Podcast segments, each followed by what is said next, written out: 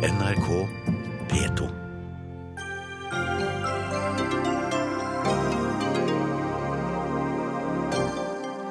I går var det roser, flagg, brorskap og sterke følelser som preget gatene i Paris. I dag er det politi, soldater og sikkerhetsvakter som preger bybildet. Fører terroren til mindre åpenhet og mindre demokrati, spør vi. EU-land tar til orde for strengere grensekontroll og til å endre på Schengen-avtalen. Men hva mener norske politikere? Det spør vi også om i Dagsnytt 18.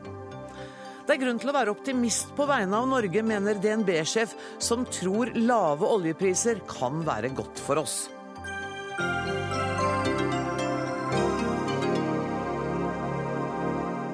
Velkommen til ukas første Dagsnytt 18-sending, der vi også får debatt om kvinnelige ledere. For vi kommer aldri til å nå Arbeiderpartiets mål om 40% kvinner i konsernledelse, mener redaktør. Sånt blir det debatt av. Men først. Vi skal til Frankrike igjen, og til hovedstaden Paris. I går var det den største massemønstringen siden andre verdenskrig. Mats Nygaard, du er forlagsdirektør. Du bestemte deg for å dra ned. Mener du at den type massemønstring faktisk har en betydning? Ja, jeg mener at det har en kjempestor betydning. Eh, eh, den demonstrasjonen vi så i går, var jo borgerne i Paris sin mønstring. Det var fantastisk flott å se eh, de franske og internasjonale politikerne til stede. Men dette var en, en, en mønstring som besto av folket. Men er det franske folk Dette var en demonstrasjon til støtte for styrking av ytringsfriheten. Har franskmenn et sterkere forhold til det enn oss? jeg tror i hvert fall det er slik at, eh, at, franskmenn er seg veldig bevisst betydningen av ytringsfrihet som den aller viktigste av alle rettigheter menneskene har, og som selve grunnlaget for demokratiet. Og dette går naturligvis tilbake igjen til revolusjonen og dannelsen av republikken. Eh, og, og eh, bevisstheten rundt betydningen i det franske folk synes å være kjempesterk. Og det, det materialiserte seg veldig i går i demonstrasjonen på Republikkplassen. Can I ask you to put on your? I'm speaking English now because we have the French ambassador to Norway here as well, um, and I ask you to put on your phones because we're going to talk to our Norwegian correspondent in Paris, Åse Marit Befring. Åse Marit, um, går det an å beskrive forskjellene i Paris fra i går til i dag? Eh, ja, hva skal jeg si om det da? Altså, I går så var jo gatene fulle av mennesker som ønsket å markere at de var sterke når de sto sammen. Eh, det var en utrolig stemning, og klappsalvene jommet jo nedover gatene. Eh, slik at det, I går var det nærmest en, en, festdag, en markering av at vi står opp mot dette. Vi, vi, krever, at, vi krever at ytringsfriheten gjelder. Og I dag så har man en helt annen situasjon ved at du ser Eh, soldater og politi overalt igjen uten disse folkemengdene. Eh, de står jo på flyplassen, de står ved togstasjonen, de står eh, ved moskeer, ved synagoger og ved alle slike viktige store steder. Er dette et bybilde som franskmennene nå må være forberedt på å ha en stund, med soldater og, og politi så nærværende? Ja, Det tror jeg nok. fordi at Frankrike er jo fortsatt i høy beredskap. og Dermed så Eh, kommer det til å være synlige soldater og politi i gatene lenge. Eh, det har jo også forsvarsministeren sagt, at, eh, dette her er noe som kommer til å vare i lang tid. Og det har jo aldri vært en slik mobilisering i denne skala som man nå ser da, på, på fransk jord noen gang. Tidligere i dag så besøkte den israelske statsministeren Benjamin Netanyahu den jødiske butikken der fire mennesker ble drept. Hva gjorde han der, vet du noe om det? Ja, eh, Han kom dit og han, eh, han tente da lys eh, utenfor butikken, der man da nå ser et blomsterhav, og det er veldig mange som har vært der de siste gjennom helgen og tent lys. Så han tente et lys også ved butikken for å, for å gi sin sympati og mi fire som ble drept der. Og de skal jo da begraves i Israel i morgen. Tusen takk for at du var med oss, også Marit eh, Befring. Som jeg allerede har eh, nevnt, så har vi også med oss eh, den franske ambassadøren til Norge, Jean-Marc Rive. Uh, welcome to this studio again, and thank you so much for coming. Um, yesterday we witnessed millions of people in the streets of Paris and all over France. And today we see that France is mobilizing 10,000 troops to ensure the security after last week's deadly attacks. Um, this is the first time troops have been deployed to such an extent. Am I right? To such an extent, yes. I mean, mm. because as you know, I mean, the famous anti-terrorist plan, which was already uh, active before uh, the events, uh, mobilized a lot of people. Uh, but of course, we have mobilized plus 2,000, then plus 6,000, plus 2,000, which makes all in all about 10,000 people, uh, soldiers, policemen, and what we call gendarmes mm. as well. When when we experienced terror in Norway uh, on July 22nd in 2011, um, the Norwegian politicians said afterwards, "What we want is more openness and more democracy." Do we see signs that there is going to be less openness and less democracy now? No, I don't think so. On the contrary, uh, you know, I mean, democracy is always a balance between uh, the security, uh, the need to protect the citizen, and the respect of freedom. This is what we are going to, of course. It has been clearly said that uh, in France we don't want any procedures of exception. Uh, the word Patriot Act was mentioned this morning by some French reporters asking whether the French government would contemplate such a thing. The answer is clearly no. Mm. Uh, but what we want, of course, is an exceptionally firm response uh, and perfectly adequate, appropriate to the situation. Of course, we cannot uh, act as is nothing uh, had happened, of course. Our, our orientation is quite clear. We have to be beyond the statu quo. This means that we cannot remain inactive, which would be absurd, but we have also not to hurry in order not to improvise uh, elements which could prove to be uh, counterproductive. Ok, um, Så det han sier, han er, han er ikke noe redd for at det skal bli mindre åpenhet eller mindre demokrati, men at Frankrike nå trenger å vise fasthet uh, og ikke improvisere eller gjøre ting som kan gjøre at man uh, provoserer fram nye elementer som kan utvikle seg til terrorister. Mats Nygaard, if you don't mind, could we continue in English um, because of the ambassador? What were the feelings you had when you were in, in Paris yesterday? I watched it on television and I was in tears. Mm. Well, uh, so was I, and I must say that it's it's quite hard to describe um, a group of 2.5 million people. Uh, it's uh, it's a it's a massive crowd. Uh, it was uh, still very dignified. It was people from all over the whole society of, of France and Paris. Uh, police was there, but very discreet. Um, and, and, and the people uh, were cheering the police. There were they police. were cheering the police yeah. uh, all the time, and and uh, it, it, showed that the the French have, they have decided not to be afraid, mm. and it was so easy to see, and it was very impressive. Are you at all worried about the the consequences of this? Uh, I mean, we see thousands of police soldiers, uh, gendarmerie today do you see any consequences that could, I mean, in any way harm the freedom of expression as it is now? Mm. Well, uh, I think it's um, important to, to bear in mind that uh, it's easy to be scared and easy to be afraid when things like this happen, and and it's a it's a decent feeling. Uh, but um, like the ambassador said, uh, everybody now should uh, uh, focus on continuing the important job of, of publish as before. And, and not to be afraid, even though it is more easy to say than to act upon.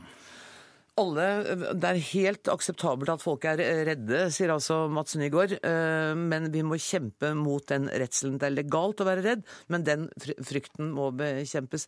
Mr. Ambassador, you were in Oslo yesterday. Um, would you really not rather have been in Paris and joined in this massive demonstration?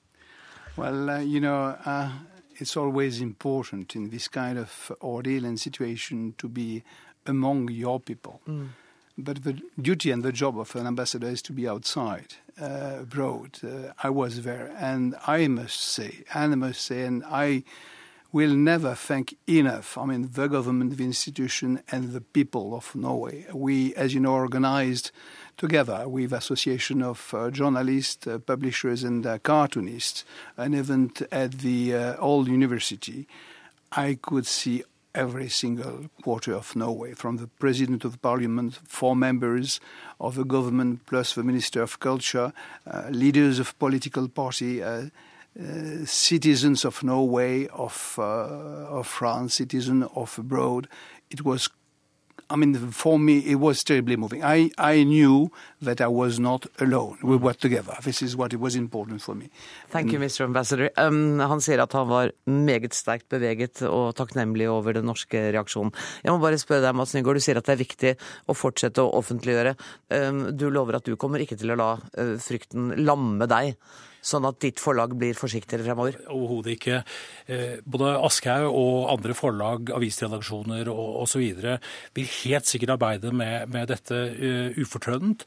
Uh, det er uh, en redaktør og en forleggers jobb å forvalte sitt arbeid med klokskap, og så må vi bruke den retten, den soleklare retten til å si hva vi mener. Tusen takk for at dere kom. Thank you, Mr. Ambassador. Thank you to Mr. Mats Nygaard. Det kommer nye gjester inn. For eh, skal, det skal fortsatt dreie seg om eh, Frankrike og det som skjedde der. For nå sier flere EU-land at de er enige om strengere grensekontroller ved EUs yttergrense. Og samtidig er det flere som nå ønsker å endre Schengen-avtalens bevegelsesfrihet. Dette også for å gjøre det lettere å følge med på reisende som er mistenkt for uh, terror. Kristian Norheim, andre nestleder på Stortingets utenriks- og forsvarskomité. Er det en god idé, dette? Ja, absolutt. Jeg mener at vi skal snu enhver stein nå for å se hva som kan gjøres bedre, og se hvordan vi kan jobbe for å forhindre uh, den type terrorangrep som vi nå nettopp så i Frankrike, eh, at det kommer andre steder også. Men er det kan... nok da å forandre eller gjøre noe med yttergrensen i Schengen-avtalen? Må vi ikke gjøre noe Nei. her i Norge også? Ja, Det er jo helt åpenbart ikke nok, men det kan være ett sted å, å, jobbe på. Eh, fordi at eh, et av, et av, problemene her er jo at en del av disse terroristene som vi har sett de siste åra, er jo da hjemmeovla. Mm. Altså de kommer fra stedet der hvor de begår terroren. De har rett og slett ikke kommet fra altså fra yttergrensene. Mens eh, det også er konvertitter oppi her, hvis vi snakker om radikal islamisme. du snakker nå om norske konvertitter eh, som, en, som representerer en fare?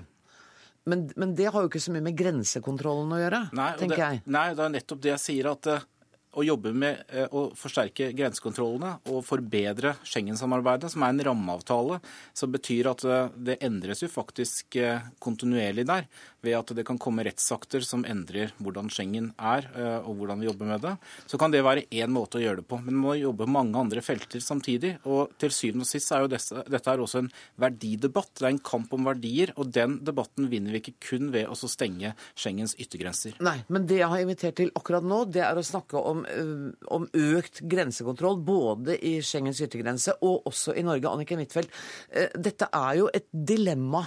At man både vil ha den frie flyten, at mennesker skal kunne bevege seg fritt, og samtidig hindre terror. Hva, hva syns Arbeiderpartiet om dette?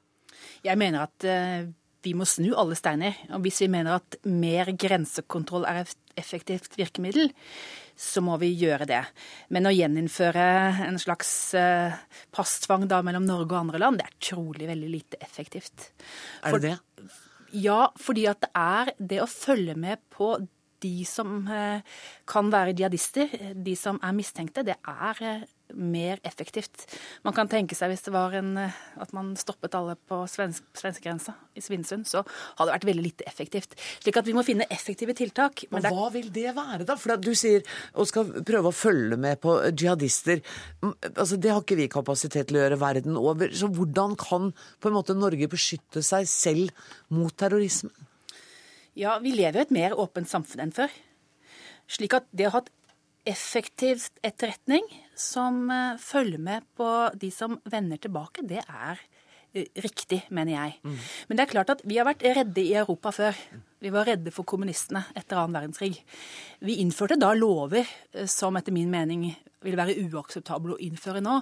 Slik at vi må ikke i den situasjonen som er nå, innføre en hel rekke tiltak og metoder som rammer resten av befolkningen. Hva Men tenker det, du på da, f.eks.? Mener du Generell overvåkning. Det er ikke noe grunnlag for mer generell overvåkning i samfunnet. Men det er klart at når folk vender tilbake fra Syria, når vi følger med på nettet at de kommer med eh, veldig ekstreme ytringer Det er ikke alle ytringer som resulterer i handlinger, men da kan man sirkling hvem som kan være eh, en, en risiko for sikkerheten i Norge. Kristian Norheim, er du med på, på den forståelsen av virkeligheten som Anniken Huitfeldt har her? Ja, og så tror jeg det er noe, også noen der ute som må erkjenne at eh, virkeligheten faktisk er sånn virkeligheten er. Og det Så sent som i 2009 så sa Jonas Gahr Støre at radikal islam ikke var noe problem i Norge. Det var ufattelig naivt å si den gangen. Radikal islam eh, er en utfordring både i Europa og i Norge, og det er ikke noe PST eller Frp har funnet opp. Eh, Og Derfor så er det første en, stedet det var ikke en radikal islamist som slo til mot Norge. Nei, men det første man må erkjenne i den debatten her, er at eh, vi har en utfordring i radikal islam.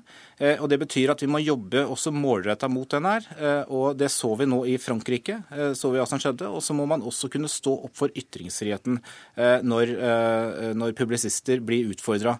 De gjorde heller ikke den rød-grønne regjeringen i 2006. Jeg er sikker på at de har lært nå, jeg håper i hvert fall de har lært, at man kan stå opp for ytringsfriheten istedenfor å, skyve en redaktør foran seg. Men hvis vi da skal holde oss til det som vi har invitert dere til å snakke om, nemlig hvilke tiltak kan vi gjøre for å beskytte Norge når det gjelder både eh, grensekontroll ved Schengens yttergrense og det norske, Eh, så sier Anniken Huitfeldt at kanskje man må se på noen tiltak. Hva tenker du? Altså, Man må se på mange tiltak. Eh, Det ene er jo den diskusjonen man har nå internt i EU, som Norge også bør være med på, fordi vi er en del av Schengen-samarbeidet, om yttergrensene eh, og om også eh, økt grensekontroll. En annen er økt etterretningssamarbeid, og ikke minst også økt samarbeid med de som da tilbyr internettjenester, og, og se hva man kan gjøre der. En Men hva tenker du om økt grensekontroll? ting er jo økt politisamarbeid. Nettopp. Men, men når du sier økt grensekontroll, tenker du da ved den norske grensen? Altså, Jeg tror det er mange måter å jobbe på her. En ting, altså Jeg tror heller ikke på at man skal innføre noe ny passkontroll. Altså I Norden har vi hatt passfrihet i mange år, også lenge før vi hadde Schengen-samarbeidet. Så jeg tror ikke det er måte der man skal starte. Men det man uh, må kunne gjøre, er å ta også en debatt om hvordan Schengen-samarbeidet kan forbedres ytterligere. og Det ser man gjøres i EU nå. og Jeg kan derfor ikke skjønne at ikke heller Norge skal kunne være med på den debatten. Hvordan vi skal forbedre det, uh, for å kunne gjøre, i hvert fall gjøre det den veien. eh, Se på hvordan vi kan hindre i hvert fall at eh, man får eh, økt, økt, økte problemer via yttergrensene. Huitfeldt, det kan vel du også være med på? At man er med og, snakker om endringer i Schengen-avtalen? Ja, Vi må se på flere virkemidler. Det er helt åpenbart. Men det er først og fremst å følge med på de som kan utgjøre en sikkerhetstrussel. Det er det jeg tror er mest effektivt. Og det er jo ikke slik at de som ikke er med i Schengen, at de gjerne har noe mer effektivt arbeid mot terrorisme enn det vi har. Slik at Schengen-samarbeidet gir en veldig god ramme for samarbeid. For det, det er jo en fare for at det slagordet som vant fram etter 22.07, mer åpenhet, mer demokrati, viser seg å bli det motsatte ved at man innfører, da, som du sa, flere tiltak. Man har jo sett nå at PST ønsker eh, bedre adgang til å overvåke mobilnettet og kunne bryte inn i det. Hva syns du om det? Jeg mener at det er veldig viktig at i en situasjon hvor vi er engstelige, så innfører, må vi ikke innføre en rekke nye tiltak som innebærer generell mer overvåkning. Det er heller ikke spesielt målretta. Slik at vi må nå se på det som Schengen eh, og man har eh, diskutert i EU i dag. Det er ting som vi også må vurdere. Men å generelt nå i den situasjonen her innføre en rekke nye tiltak som man ikke vet har effekt, det er det grunn til å advare mot. Norheim? Altså Dersom frykten tar oss, så vinner også terroristene. Det er det terroristene ønsker, at vi skal frykte dem så mye at vi endrer på spillereglene. Eh, Så Derfor så også, mener jeg også at man ikke skal på en måte eh, gi politiet alle myndigheter de kan gis. For da utvikler vi oss i retning av en politistat. Mm. Og det er heller ikke ønskelig. Men vi må kunne se på ulike tiltak for å se om vi kan være bedre forberedt dersom vi skulle eh, få en sånn situasjon som man har hatt i Frankrike nå nettopp. Jeg likte setningen din 'hvis frykten tar oss, så har terrorismen eh, vunnet'. Det var et fint punktum for denne samtalen. Tusen takk skal dere ha, Anniken Huitfeldt og Christian Norheim. Dagsnytt 18 alle hverdager klokka 18. På NRK P2 og NRK2.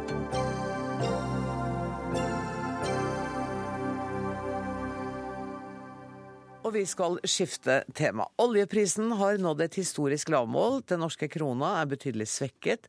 Politikerne er bekymret, men konsernsjefen i DNB er optimist og mener at en lavere oljepris kan vise seg å være bra for Norge på lang sikt. Velkommen, Rune Bjerke. Eh, forklare meg det, for nå har jeg hørt så mange bekymringsmeldinger. Så da jeg så din uttalelse, tenkte jeg den mannen må jeg snakke med.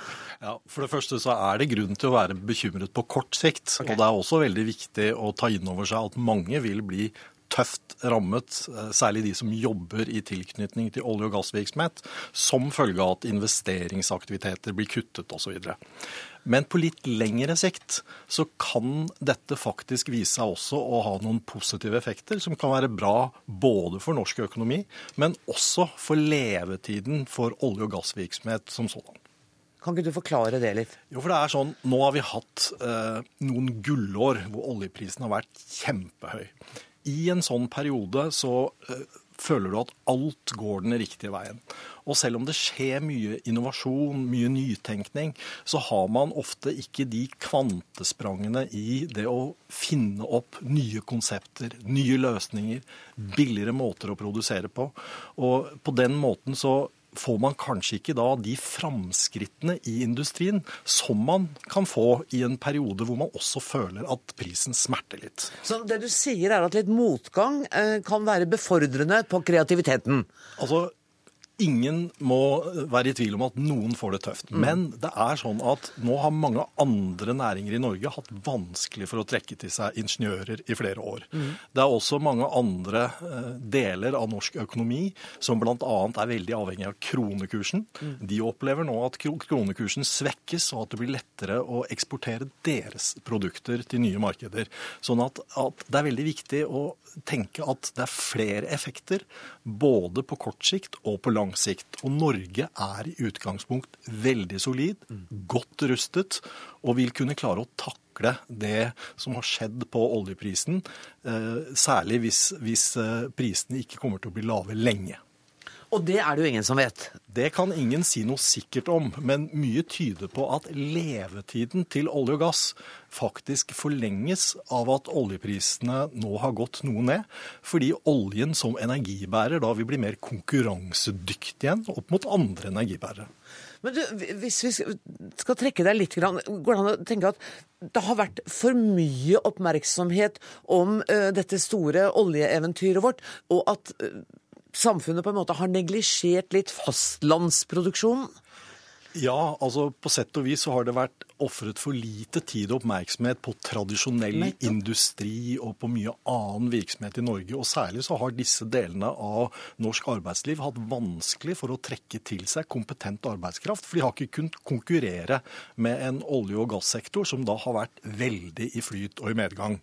Sånn at nå vil jo da muligheten for andre sektorer, både fordi kronekursen er svakere, og fordi tilgangen på kompetent arbeidskraft er mye bedre, nå vil de virkelig ha muligheter som de ikke har hatt de siste årene. Men, men du, vi vanlige lønnstakere vi tenker ikke så langsiktig. Vi tenker hvordan er lønnsutviklinga mi de neste tre-fire årene? Eh, og er, den kommer til å bli dårlig. Vel, vi kommer til å ha økonomisk vekst i Norge. Den kommer til å være svakere enn den har vært eh, de par-tre siste årene. Men det er ikke mange land i Europa som kommer til å skilte med vekst. Og vi kommer ikke til å få oppleve noen sterk økning i arbeidsledighet, og folks privatøkonomi vil utvikle seg sunt, selv om utviklingen ikke vil være like positivt som den har vært de siste årene. Sånn at vi har egentlig ikke noen grunn til å frykte det som skjer i norsk økonomi, hvis det ikke kommer nye sjokk og uventede sjokk utover det vi nå har sett. Men har du sagt dette til politikere og sånn? Fordi jeg synes det har, Eller er det bare meg, eller har det vært mye sånn dommedagsprofetier i det siste? Man har jo alltid en tendens både til å forsterke det som er negativt, mm. men også av og til å forsterke det som er positivt. Eh, mitt utgangspunkt det er at man må skille mellom effekter på kort sikt og på litt lengre sikt. Og selv om det er da noen som får det tøffere og veldig tøft i 2015 og 2016, så er det andre som også da får det mye lettere. Og her er det veldig viktig å tenke hva, hva blir effektene for Norge over lang tid? Og da er det mye som tyder på at dette faktisk også kan gi noen positive virkninger. Tusen takk for at du kom til Dagsnytt 18 og spredde litt optimisme. Takk skal du ha, Rune Bjerke.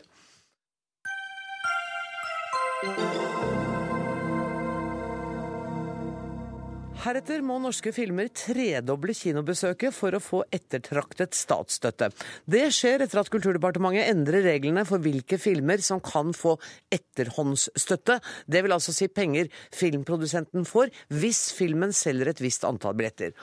Nå får filmer, alle filmer støtte hvis de selger minst 10 000 billetter, men heretter så blir kravet 35 000 solgte billetter, skriver Dagbladet. Erik Poppe, filmregissør, velkommen hit. Hvor viktig er etterhåndsstøtten? Den er eh, avgjørende for eh, så godt som alle filmer som lages, eh, utenfor en sånn ordning de kaller for rene markedsstøtten. Altså der søker man seg der blir man vurdert om man tror at denne filmen kan nå virkelig mange publikummere. Mens etterhåndsstøtten det er altså en ordning som handler om at ved at du i dag eh, satser på at denne filmen når 10 000 på kino, mm. så kommer staten inn etter 10 000, og så får du det du har inntjent, pluss det dobbelte. Eh, og Det betyr at i lang tid så har jo veldig mange satset på at de når 10 000. Og så har vi sett at vi har fått veldig mange filmer ut av det, men også veldig mange filmer som ikke leverer den kvaliteten man skulle ønske. Altså Den kvalitetsvurderingen har egentlig ingenting med dette. Hvis du bare passerer, så får du disse pengene. Nettopp. Og så blir, blir kassa tom fordi at det er så mange filmer som når 10 000-målet. Ja, og så er det en del som når det. Eh, og så vet ikke verken institutter eller noen riktig hvor mye penger har vi til å gi til de andre filmene som nå trenger forhåndsstøtte. Nettopp. For noen kan søke forhåndsstøtte. Eh, det vil si at eh, søker du forhåndsstøtte, så får du ikke den samme etterhåndsstøtten. Eh, da kan du få en lavere etterhåndsstøtte alternativt. Da. Men er du enig i at 10 000 solgte billetter kanskje er en litt lav grad for å få etterhåndsstøtte?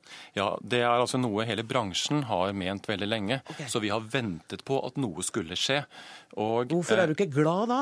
Jo, på et vis, på sett og vis så er jeg jo glad for at noe nå skjer, at ministeren kommer ut og gjør det.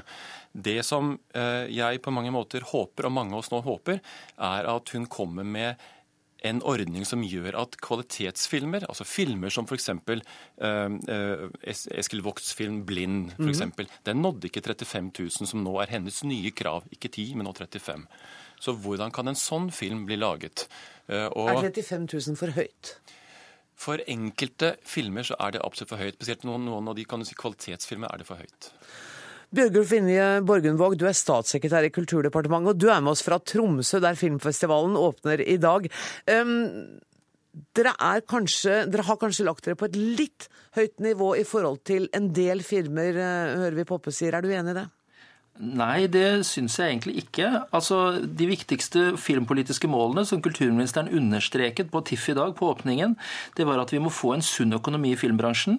For um, de målene som har vært for filmpolitikken under de rød-grønne, har vært innbyrdes motstridende, som Filmøkonomiutredningen har vist, og har ført til at vi ikke har klart å få den konsolideringen i bransjen som vi trenger. Sånn at et veldig viktig mål for oss er å få sunn økonomi i bransjen solid publikumsoppslutning, og så skal vi selvsagt ha et bredt og variert filmtilbud. Da med høy kvalitet film? Ja, med høy kvalitet film. Og da skal vi selvsagt også ha fortsatt produksjon av kunstnerisk ambisiøs film.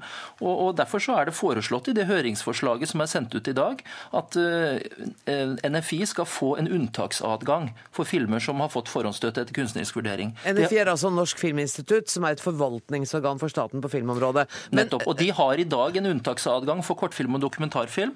Og når vi nå foreslår å heve grensen innenfor den terskelverdien som Filmøkonomiutredningen har foreslått, og som har fått bred støtte i høringen, så foreslår vi altså å utvide unntaksadgangen, slik at filmer som er vurdert til å ha et stort kunstnerisk potensial, fortsatt skal kunne få, altså at de skal kunne få unntak. Med denne unntaksbestemmelsen, er alle hensyn da godt nok ivaretatt, Poppe?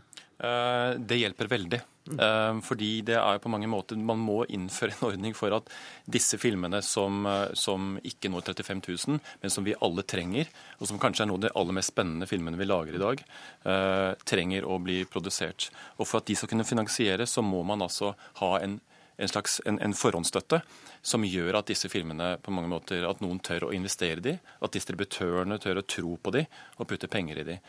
Uh, og, og, det er på mange måter uh, gode nyheter. Og jeg må bare presisere en ting. at Det er ikke det at vi er så overrasket over summen, for det, den summen har deler av bransjen pekt på selv. Okay. Men det er rett og slett det at vi må få en helhetlig ordning opp, og at ministeren nå, om ikke annet, kommer med eh, noen tanker om hva filmpolitikken skal bli. Det applauderer jeg henne for, for det mm. har vi ventet lenge på.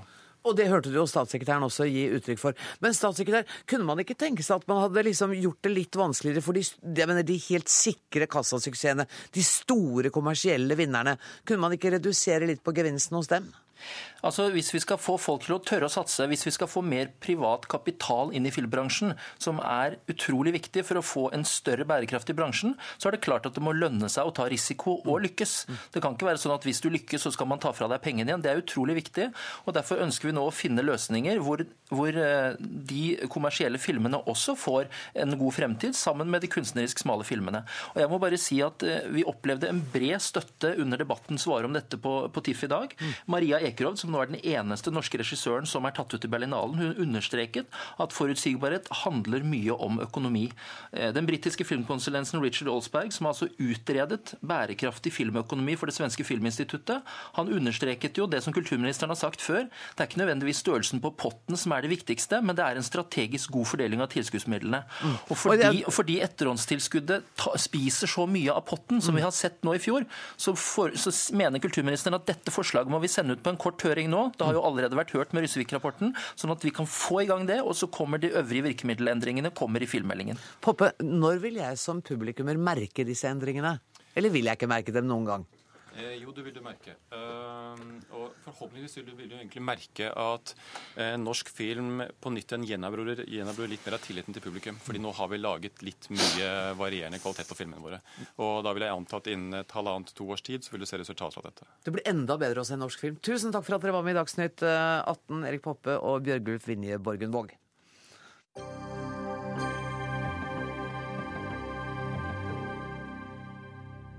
Hver mandag i tolv uker har opptil 18 000 anti-islamister under navnet Pegida demonstrert i Dresden i Tyskland. I dag demonstrerer norske anti-islamister i Oslo under samme navn.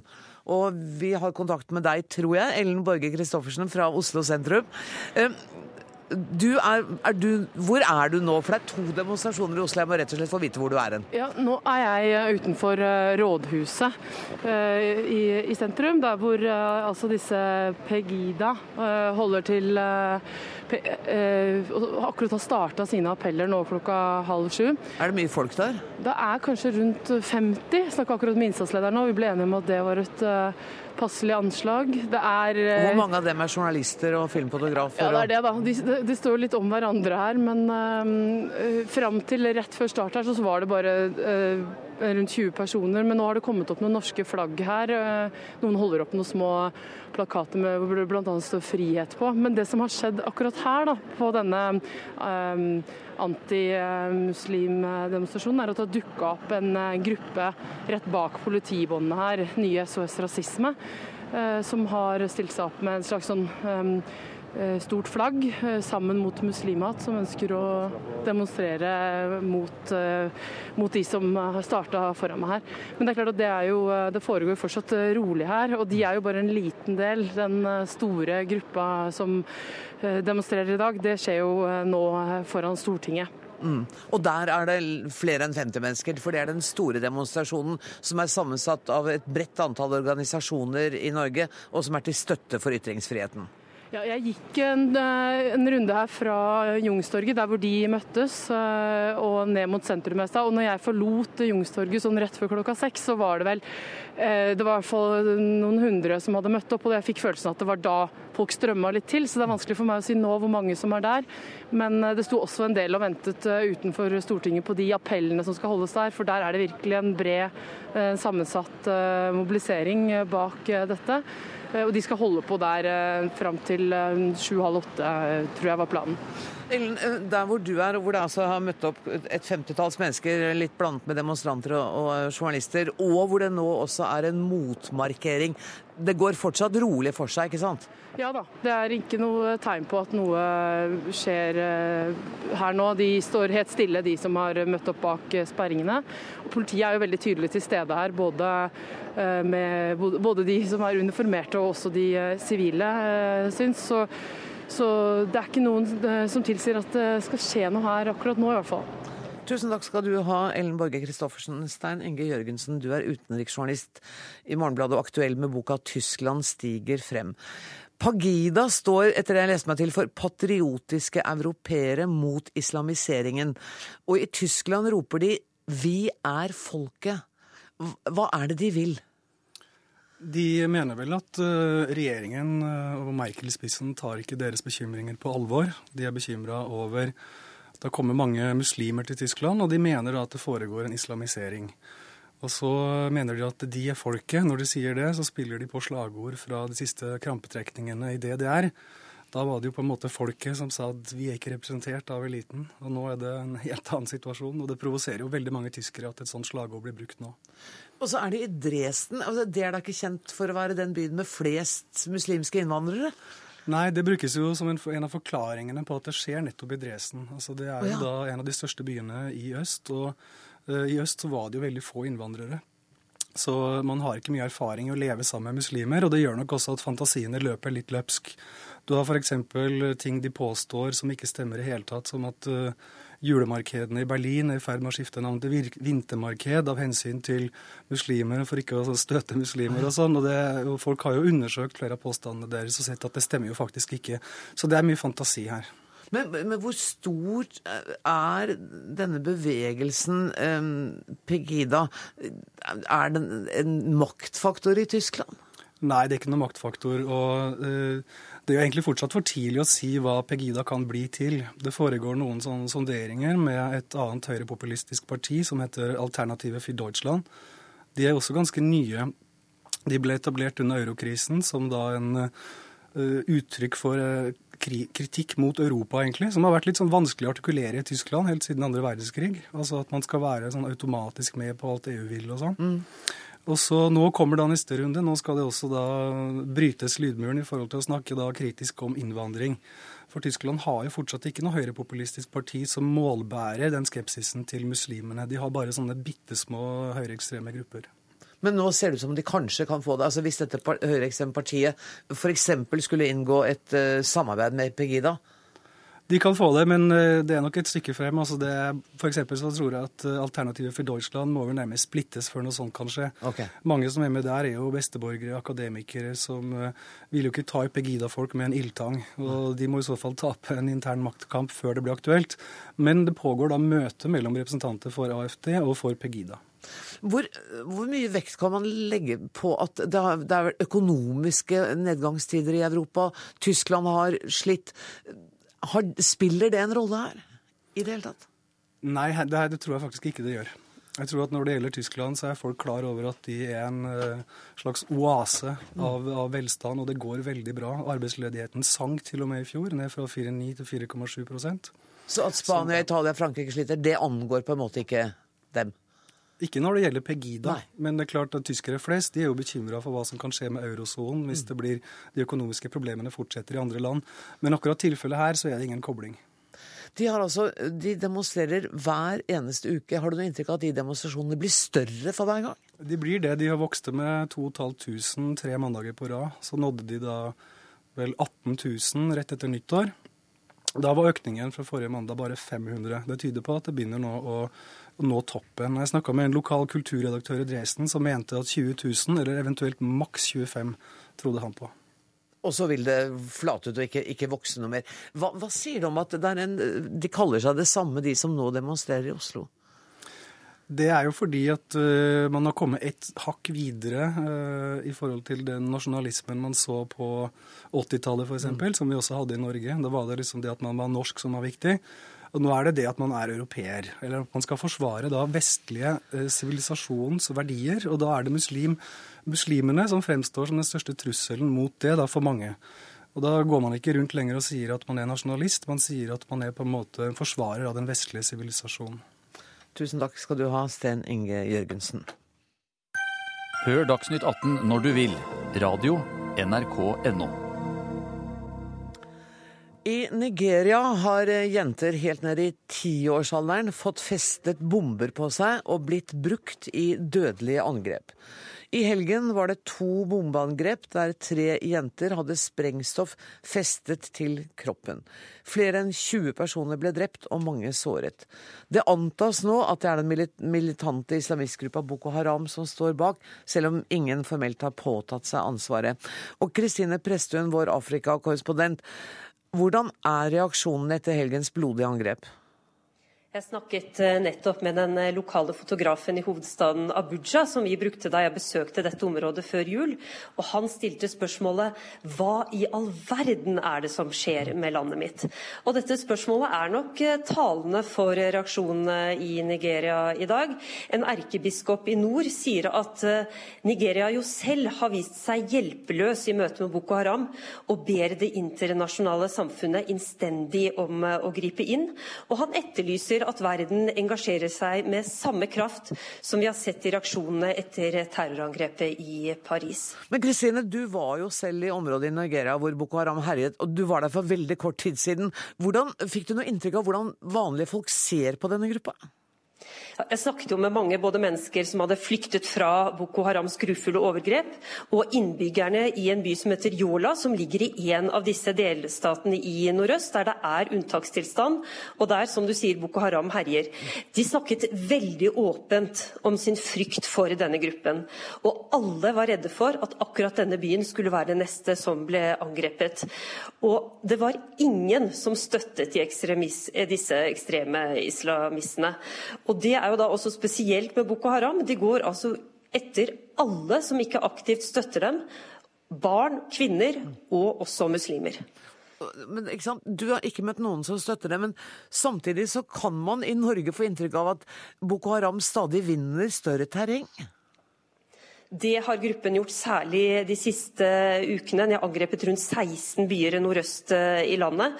Og det er, det er, vanskelig å si hvor stort området de kontrollerer, eh, hvor stort det egentlig er. Mye fordi det jo ikke er journalister i disse områdene. Men det anslås til å være på størrelse med Belgia. Og de verste angrepene har altså de siste dagene vært mot byen Baga, som ligger på grensen mot Tsjad. Dette var en by med rundt 10 000 innbyggere. Nå er det ingen igjen. Hele byen er rasert, og så mange som 2000 mennesker kan altså være drept. Og det forstår litt med spørsmålet ditt, er hvordan kan de da på en måte ha klart å styrke ja. seg når de ikke har støtte? Ja, og det er jo mye fordi at de, de kidnapper jo rett og slett unge menn som de bruker som uh, tvinger til å være deres soldater. De, de kidnapper kvinner som uh, må lage maten deres, som, og som de bruker som uh, sexslaver. Så de har jo, for å si det sånn, en svært spesiell og brutal måte å rekruttere medlemmer på. Tusen takk skal du ha, Kristine Presttun. Morten Bøås, du er seniorforsker ved Norsk utenrikspolitisk institutt. Ble du overrasket da du hørte at barn ned til tiårsalder, jenter, eh, ble brukt som levende bomber? Nei, dessverre så ble jeg ikke det. Og eh, det her er en utvikling vi har sett over noe tid. hvor eh, altså Når man begynte å bruke dette her med altså menneskelige bomber, så var det først og fremst unge menn som, begikk, eh, som sprengte seg selv i luften. Det har vært mer fokus på de. Man må finne nye måter å komme under radaren på. Altså få plassert folk inn der hvor man vil at de skal sprenge seg i luften uten at de oppdages. Og da er unge, små jenter eh, det letteste? Små jenter kan være det letteste å man bruke. Man ofrer eh, små barn? Ja, det gjør man altså ut fra en tanke om at én, eh, man utkjemper en krig hvor menneskeliv ikke lenger er verdt noe. Og dette rettferdiggjøres kanskje gjennom å fortelle denne jenta om at uh, hvis du gjør dette her, så får du komme til paradis, og du blir tatt imot med åpne armer, og du får et, bedre, får et bedre tilværelse der enn den jammerdalen som eh, Norden i Nigeria er. Så man bruker eh, religiøse elementer for å både motivere, men også antagelig for å rettferdiggjøre dette overfor seg selv. Benedicte Giæver, du er beredskapssjef i Flyktninghjelpen. og Du er en av dem som har reagert kraftig på dette som har skjedd? Det er helt klart, altså, sånt, eh, Jeg blir alltid sjokkert over sånt, selv om vi har sett uh, bruk av barn i krig eh, i mange, mange, mange år. Men jeg har ikke sett akkurat dette. Nei, jeg må si at dette, altså det å, å sette på en sånn selvmordsbombe, altså Vesp eller hva de har brukt på disse barna, det er noe nytt. Og, og, det er helt klart at Barn kan ikke si nei. Altså, De kan godt høre på hva som blir fortalt til dem, men de har ingen muligheter for å si nei. Så jeg syns dette, dette er et nytt steg i, i helt, en helt gal retning, som jeg tenker også må bli slått ned på på en, på en helt annen måte enn det vi har klart til nå. Ja. Ja, det er helt klart at dette er, jo, dette er et, nok et skritt i gal retning. Det er det, det er det ingen tvil om. Poenget mitt er bare at det har vært en glidende overgang her. Og det har vært en samtale i, innad i flere væpna islamistgrupper. Vi vet at den har vært i Al Shabaab om, i Somalia, og bl.a. om kvinners rolle i kampen. Og om det er riktig å bruke kvinner som uh, selvmordsbombere. Og at uh, nå er Boko Haram som tar, tar dette ett skritt videre og bruker barn. Det er det som ikke overrasker meg. ja. Nettopp, jeg skjønner. Jeg oppfattet deg ikke som at du på noen som helst måte forsvarte at de gjorde det. Men, men når du sier at uh, vi må takle dette på en helt annen måte enn vi har gjort. Mener du da verdenssamfunnet? Altså Verdenssamfunnet må nok engasjere seg mye mye mer enn, enn det de har gjort til nå.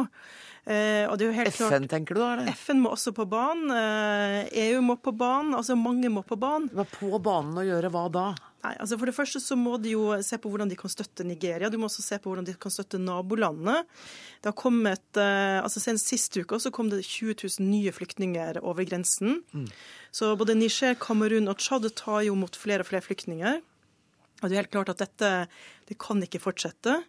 Eh, så den konflikten, selv om man, man, har snakket litt om det, så har man ikke likevel snakket så mye, og det har ikke vært oppe i Sikkerhetsrådet, i forhold til hvor stort omfang den nå Denne egentlig har. katastrofen har. Eh, Bøås, verdenssamfunnet, vi venter litt på reaksjoner herfra. Ville det hjelpe? Det gjenstår å se, men jeg tror det viktigste spørsmålet her når det gjelder eh, hva verdenssamfunnet kan gjøre, så må det skje gjennom Nigeria og i et samarbeid med Nigeria. Nigeria jeg må jo huske på, er et land som aspirerer mot en verdensmaktstatus. Dette er en av stormaktene i Afrika. Og jeg ser ikke for meg at verken den sittende presidenten eller eventuelt en ny president, det er presidentvalget 14.2, kommer til å kaste kortene og på mange måter be om en internasjonal intervensjon. Det vil på mange måter totalt underminere det prosjektet de har om å være en av en av de ledende maktene i Afrika. Så her må dette skje i et samarbeid med nigerianske myndigheter. Og så er det helt riktig som eh, Benedicte påpeker, at mye mer kan gjøres i nabolandene, i Niger, i Tsjad og Kamerun. Og der er det lettere for det internasjonale samfunnet å i hvert fall jobbe med flyktninger, også forebygge Boko Haram-rekruttering blant flyktninger. Men tror du at eh, presidentvalget kan ha en positiv eh, virkning, jeg holdt på å si nesten uansett hvem som blir valgt? Ja, jeg tror det. for at eh, Nigeria har på mange måter vært i en eh, mer eller mindre permanent valgkamp de siste fire åra. Mye grunnet alle disse uklare kontroversielle spørsmålene rundt Jonathan, altså den sittende presidenten, og om han skulle få lov til å stille til valg en, en gang til eller ikke. Nå får man det endelige svaret på det, og uansett hvem av de som vinner, så må de nå begynne å forholde seg til dette på en annen måte. Og den lammelsen som har ligget i det nigerianske systemet knytta til all den usikkerheten rundt Jonathan, den vil forhåpentligvis bli borte. Benedicte Giæver, jeg har lyst til å snakke litt mer om disse barna eh, som blir brukt på denne utrolig bestialske måten. Eh, har dere noen formening om, om dette kommer til å fortsette, eller om, er, har de tilgang på barn som de kan gjøre dette med? Altså, de har jo tilgang på barn, eh, både de de har kidnappet, eh, og de barna som på en måte ikke har noen som, som kan ta seg av dem. Vi vet jo nå at det har vært eh, altså drevet bare De siste kanskje per månedene så det er nye én million mennesker som er på flukt oppe i nordøst. og Da betyr det at det er mange foreldreløse barn som ikke har noen til å ta seg av. Og det er jo klart at de har jo Det er jo et uant hva skal jeg si, rekrutteringsgrunnlag som finner seg der. Og de blir jo på en måte da lette ofre. Jeg, jeg ser bare for meg den lille jenta som ja. får dette bombebeltet festet i kroppen sin. Ja. Nei, det er, jo, altså det er, jo, helt forferdelig, og det er liksom bare sånn, man føles jo så maktesløs. Eh, og, og, så vet man at det er kanskje tusenvis av sånne barn som er potensielt eh, ja, føde for, for, for sånne ting. Men da, når du sier at dette har ikke engang vært oppe i Sikkerhetsrådet, så tenker jeg nei, og hva, hva ville det løst noe som helst? Det er ikke sikkert at det vil løse noe som helst her og nå, men på, på sikt, det å legge mer press på, på, Nigeria Det er helt klart, som, som Morten sier, at Nigeria ønsker å framstå som en, en, en stor makt, og det er de for så vidt òg. Mm. Men da må de også kunne vise at de kan løse opp i disse problemene. Og da, altså Det nytter jo ikke bare med våpen her, det, du må også jobbe på helt andre områder. Men det vi også ser nå, er at én ting er Sikkerhetsrådet, men en annen ting er rett og slett at du må få mer hjelp inn i disse områdene. Mm. Snakket, vi snakket tidligst med noen av oss folk inn i disse områdene i dag, og de sier jo at i løpet av de siste par ukene så har de fått uh, veldig vanskelig å komme inn i områder hvor de før kom inn i og jobbet. Nettopp. Og dette er lokale organisasjoner, lokale folk òg. Og det er fordi at Boko Haram da har kontrollen i de områdene? De har tatt fullstendig kontroll. Altså, skal man løse dette, her, så trengs det en bedre militærstrategi. Det er helt klart. Det trengs en nigeriansk hær som fungerer bedre. Men i tillegg så må man også bygge opp her eh, både en sosial strategi og eh, på mange måter en utviklingsplan for hele dette området. For Hvis ikke så er man like langt, selv om man skulle klare å gjøre Boko Haram mindre gjennom rene militære virkemidler. Og I tillegg så må man få eh, se en nigeriansk hær og et nigeriansk politi her oppe som klarer å gi effektiv beskyttelse. For Det er bare gjennom å gi effektiv beskyttelse altså man, at man også kan få bedre etterretning om hvor Boko Haram faktisk er. Dette er en bevegelse som ikke legger igjen spesielt mye elektroniske spor. Man kan ikke få kunnskap god nok om Boko Haram for å slå dem bare ved å sitte og se på dette på avstand. Man må inn der, og da må man jobbe gjennom sivilbefolkningen. Og hvordan får du den på din side? Jo, du må vise at du faktisk kan beskytte dem. Og det har den nigerianske hæren og politiet totalt mislykkes med. Og i tillegg tillegg så må vi huske på at en av de grunnene til at Boko Haram har blitt så sterke, er at veldig mange av sivilbefolkningen føler at de er mellom barken og veden. De liker ikke Boko Haram, men de liker heller ikke hæren og politiet, som plager de, arresterer de uten grunn osv. Men uansett så må det gjøres noe fort for at vi ikke skal se flere barn bli brukt som eh, bomber. Tusen takk for at dere kom med Morten Bøås og Benedicte Giæver.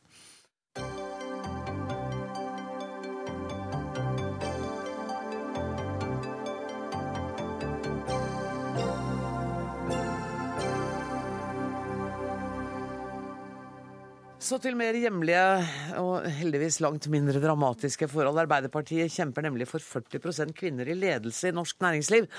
Det kommer aldri til å skje, mener eh, redaktøren i Ukeavisen Ledelse. For du mener at kvinner gjør andre valg, og at næringslivet blåser en lang marsj i hva politikerne vil. Hvorfor har du så lite tro på at vi skal klare å nå 40% med kvinnelige ledere her i landet, Magne Lerøe? Fordi statistikken viser at uansett hva politikerne finner på, så hjelper det ikke i det hele tatt. Det store grepet skulle man jo ta med å ha 40 kvinner i styrene. Ja. Og Da skulle jo det føre til at det også ble flere kvinnelige ledere som toppsjefer og i ledelsen.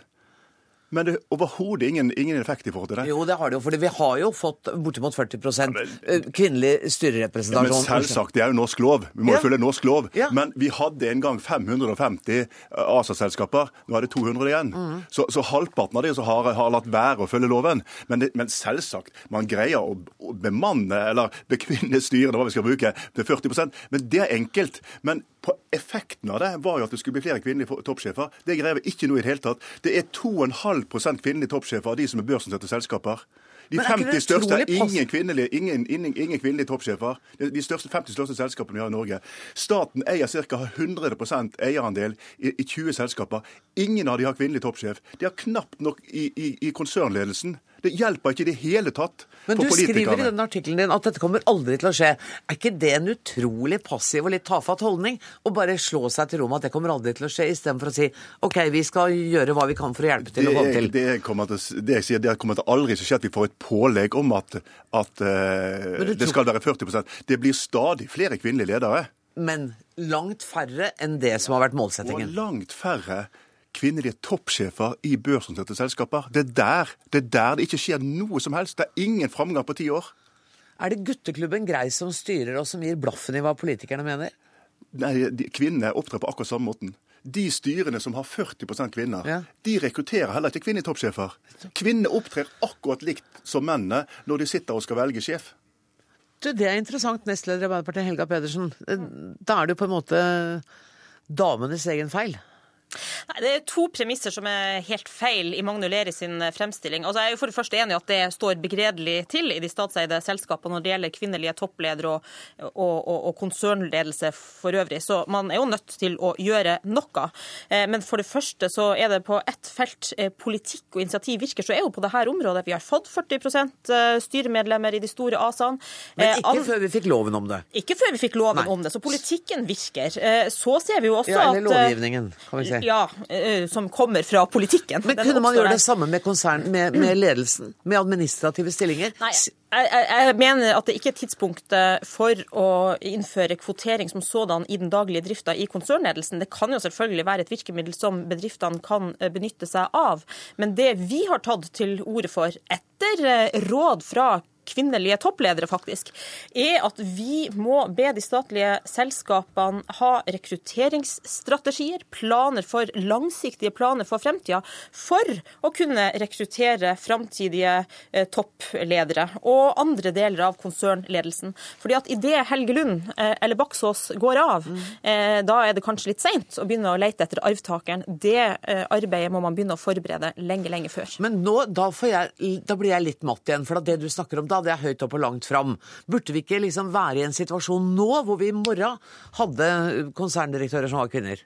Jo, I de statlige eh, selskapene? jo, i en ideell verden eh, burde vi det. Nei, også samtidig- i den reelle verden. Ja, jeg, jeg tror ikke vi er der enda. Nei. Eh, men eh, Hvor pinlig er det for Arbeiderpartiet at vi ikke er der enda? Nei, Det mener jeg i grunnen er pinlig for ikke bare for oss, men for hele det norske samfunnet. Vi burde være kommet lenger på det feltet, men vi må erkjenne at der er vi ikke i dag. Og da må vi bygge neste stein i likestillingspolitikken og i arbeidet for å rekruttere flere kvinnelige ledere. Men så vil jeg bare, eh, og Derfor mener vi at det er et oppdrag de statseide selskapene skal ha. Men så vil jeg jo bare si også til Lerud at verden går jo fremover også her. Andelen toppledere i Norge har de syv siste årene økt fra 15 til 19 Eh, det går, ja, det går rette veien. Ikke så fort som vi skulle ønske, men det går rette veien. Og når det gjelder ledere i offentlig og privat sektor som sådan, så går det jevnt fremover eh, i alle fylker og hvert år. Finnmark er selvfølgelig aller best. Men selvsagt går det fremover. Altså, det er jo flere og flere kvinnelige ledere. Alle ønsker å ha kvinnelige ledere i toppen. Det er bare at kvinnene vil ikke ta de topplederstillingene i næringslivet, de, i de største bedriftene. Men kan det være fordi at det er noe gærent med ledelseskulturen i de største bedriftene? Nei, Nei de, det er noe gærent med damene. De syns det rett og slett ikke er verdt eh, verd å betale den prisen. Det viser, jo alle under, det viser jo alle undersøkelser også, at kvinner velger annerledes enn menn akkurat i disse stillingene. Og det som politikerne serverer, det er kun prat. Alt dette her, For det virker overhodet ikke uten at du kan tvinge med norsk lov. Men å, å, vedta noen målsettinger det, det finnes ikke en eneste av de statlige bedriftene, ingen av disse her, som ikke anstrenger seg for å skaffe så mange som mulig kvinnelige ledere. De kvinnelige lederne de er like dyktige som mennene. Det er bare at de bryr seg ikke om hva politikerne sier. Politikerne opererer i sin verden. I næringslivet er det helt andre mekanismer som styrer. Og dette forstår politikerne ikke. Så de må bare gi opp og drive og holde på å herse med Ja, altså, For det første, hvis eierne ikke har en forventning til selskapene om at de skal rekruttere eh, kvinnelige ledere og forberede framtidige kvinnelige ledere, så kan de selvfølgelig gi blaffen. Vi har ikke prøvd det her før. La oss nå prøve det og se om ikke det virker. Så har jeg aldri sagt at det er det eneste virkemidlet som skal til. Det må følges opp av flere virkemidler. Men så er det et annet premiss i Magne Lerøe sin, eh, sin fremstilling her som er helt feil. Kvinner vil ikke. Og det har vi hørt så mange ganger før. Det, eh, lignende ting ble sagt da vi innførte stemmerett for kvinner for over 100 år siden. Det samme har vært sagt om kvinnelige prester. Det samme fikk jeg høre når jeg var leder av nominasjonskomiteen hjemme i Tana Arbeiderparti. Da hadde vi som mål i nominasjonskomiteen at vi, halvparten av listekandidatene skulle være kvinner. Og da var det sånne eldre menn som deg som sa du kan bare spørre dem, men de kommer aldri til å si ja. Og jeg skal si deg én ting. Alle sa ja som vi spurte. Og det som er viktig at vi får til, det er at det blir en del av kvinners meny også å bli kvinnelig leder. Og nå må Magne Lerøe få lov å svare på dette. Det var en Gravsamme salve. Altså, vi, har, vi, har, vi har holdt på med, det, med dette her i ti år og forsøkt å, med ulike virkemidler. Og det store grepet var nettopp 40 eh, krav om kvinnelige styremedlemmer. Og da skulle det føre til flere kvinnelige toppsjefer. Det var et av premissene. Og det er ikke at overhodet ingen virkning. Det er 2,5 av, av de børsnoterte selskapene som har kvinnelig toppsjef. Det er ingen av de 50 største. Så det hjelper ikke. Alle vi som jobber med ledelse, vi er opptatt av å få kvinner til å ta lederansvar, fordi kvinner er dyktige som leder. Men politikerne trenger ikke blande seg inn i dette. Dette er et område hvor politikken ikke virker. Så, så, så, så la, polit, la, la politikerne holde på med der hvor de har innflytelse. De har null innflytelse når det gjelder hvem som skal være på toppen i næringslivet. Jeg tror ikke Helga. Pedersen har tenkt å la dere være i fred når det gjelder akkurat dette her, men jeg har tenkt å la dere være i fred. Kanskje dere går ut og tar en kaffe og fortsetter å diskutere hva vet jeg. Men tusen takk for at dere kom, Magne Lerøe og Helga Pedersen. Helt til slutt skal jeg bare fort fortelle at ansvarlig for eh, Dagsnytt 18 i dag var Ida Tune Ørritsland. Det tekniske ansvaret har Lisbeth Sellreite. Jeg heter Anne Grosvold og håper vi høres i morgen. Takk for nå.